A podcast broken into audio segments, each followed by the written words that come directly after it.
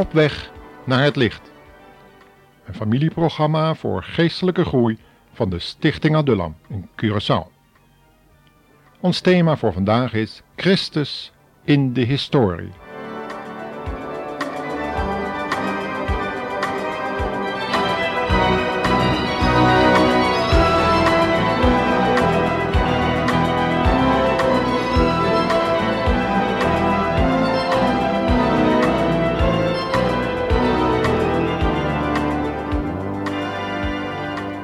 Bekende uitspraak van een historicus, welke zegt: De geschiedenis leert dat de mens van zijn geschiedenis niets leert. Een ernstige gedachte, luisteraar. En vanavond willen wij met elkaar een tekst hierover lezen uit Lucas 24, vers 27, waar de Heer Jezus, een tot dan toe nog onbekende medereiziger van twee verontruste en verslagen gelovigen, de boeken van het Oude Testament opent. Hoort u maar wat hij zegt. Hij herinnerde hen aan allerlei gedeelten uit de boeken van Mozes en de profeten, en hij legde hen uit wat ze betekenden en wat ze over de Christus zeiden.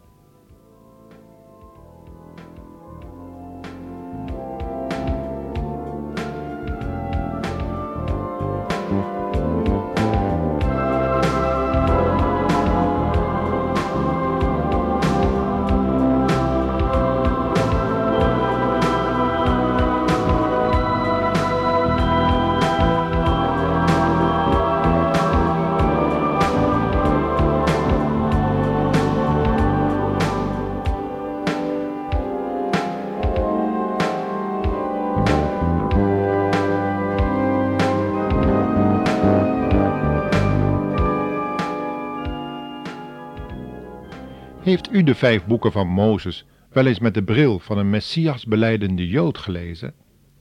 Wist u dat je dan letterlijk overal dat lam van God tegen kan komen?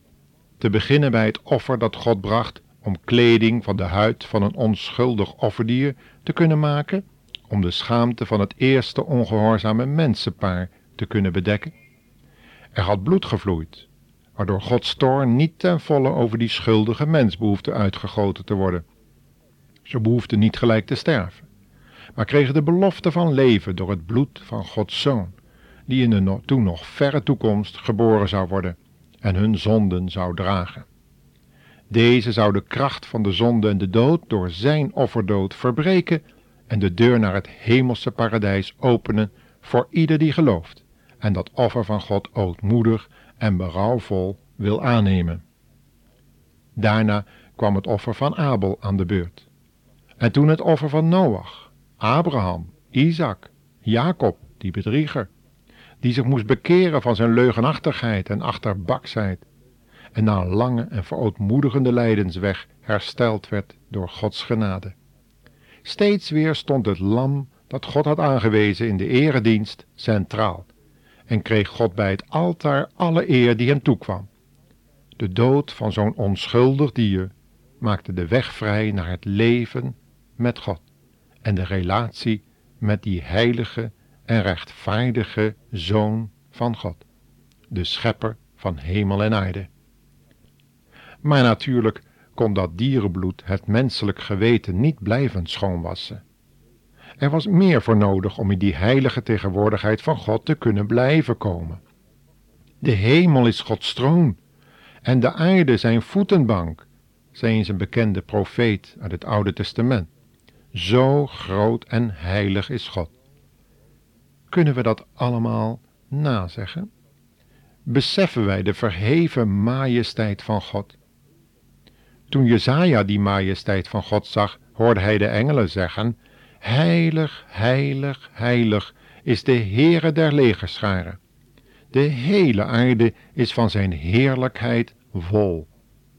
En even later, toen die hemelse tempel van God vervuld werd met de rook van het heilige reukwerk, zei hij geschrokken en diep onder de indruk van Gods majesteit en heerlijkheid, wee mij, want ik verga, omdat ik een man van onreine lippen ben en bij een volk woont die ook onreine lippen hebben. Wie zou bij zo'n God kunnen wonen?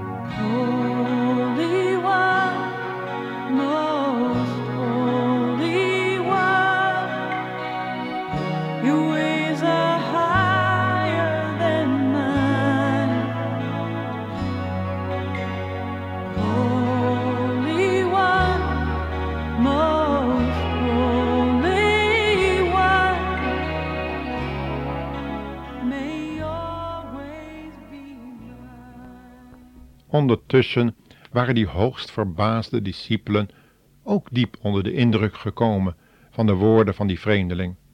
Hun hart was sneller gaan kloppen. God had altijd al de mensheid van die schuld willen bevrijden. Maar hoe dikwijls had God tevergeefs zijn handen uitgestrekt naar een ongehoorzaam en tegensprekend volk? En luisteraar, zijn wij anders dan de Israëlieten?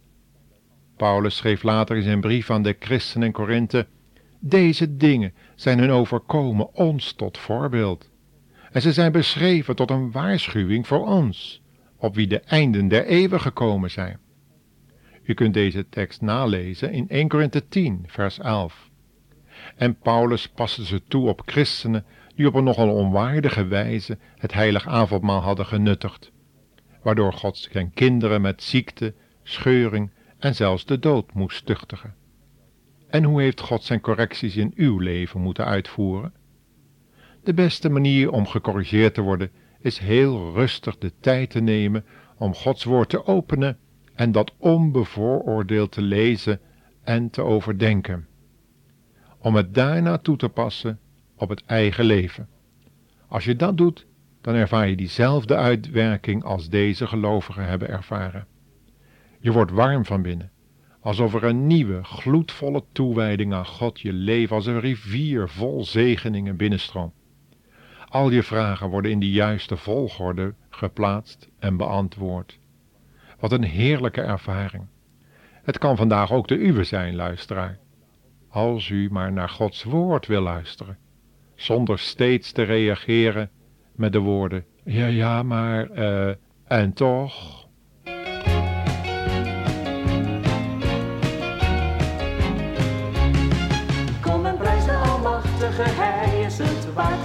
Zichzelf in zijn zoon openbaart.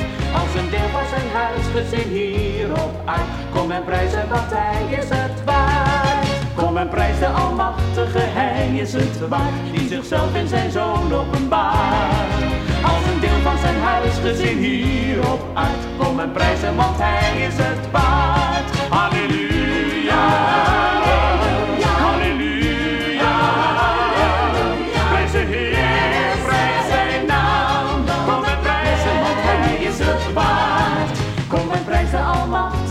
Hij is het waard. Want Hij heeft ons zijn liefde verklaard.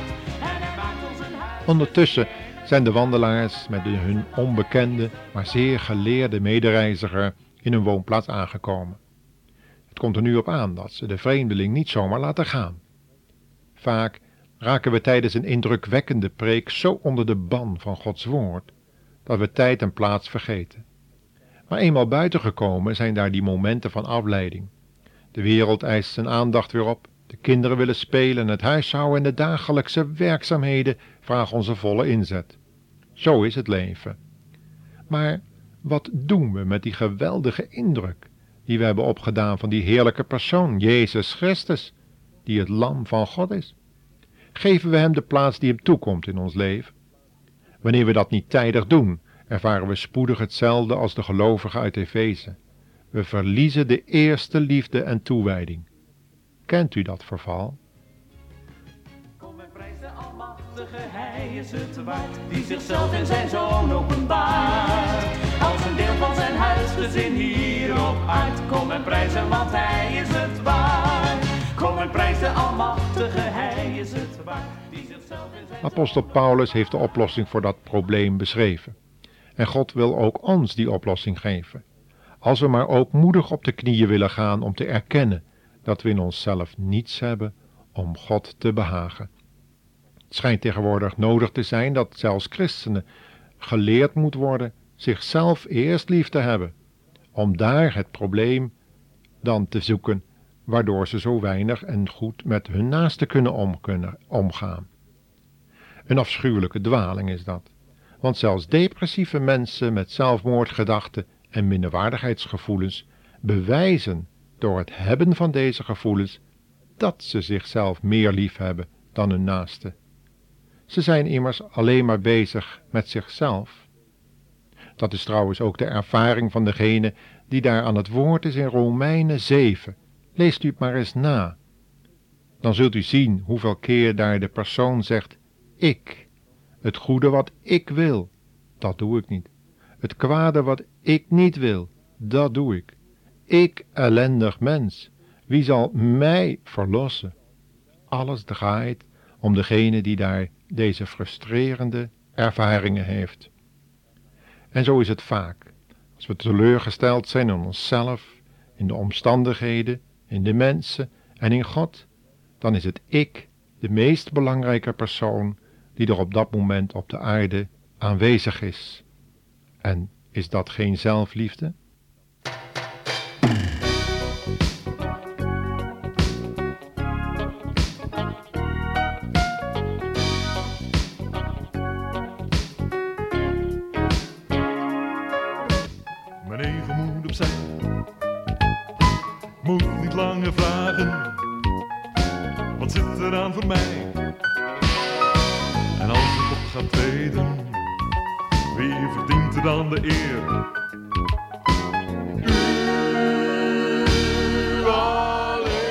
Moeten de Heer Jezus misschien opnieuw vragen, zoals de discipelen deden, het leven binnen te komen. Vandaag kunt u dat doen.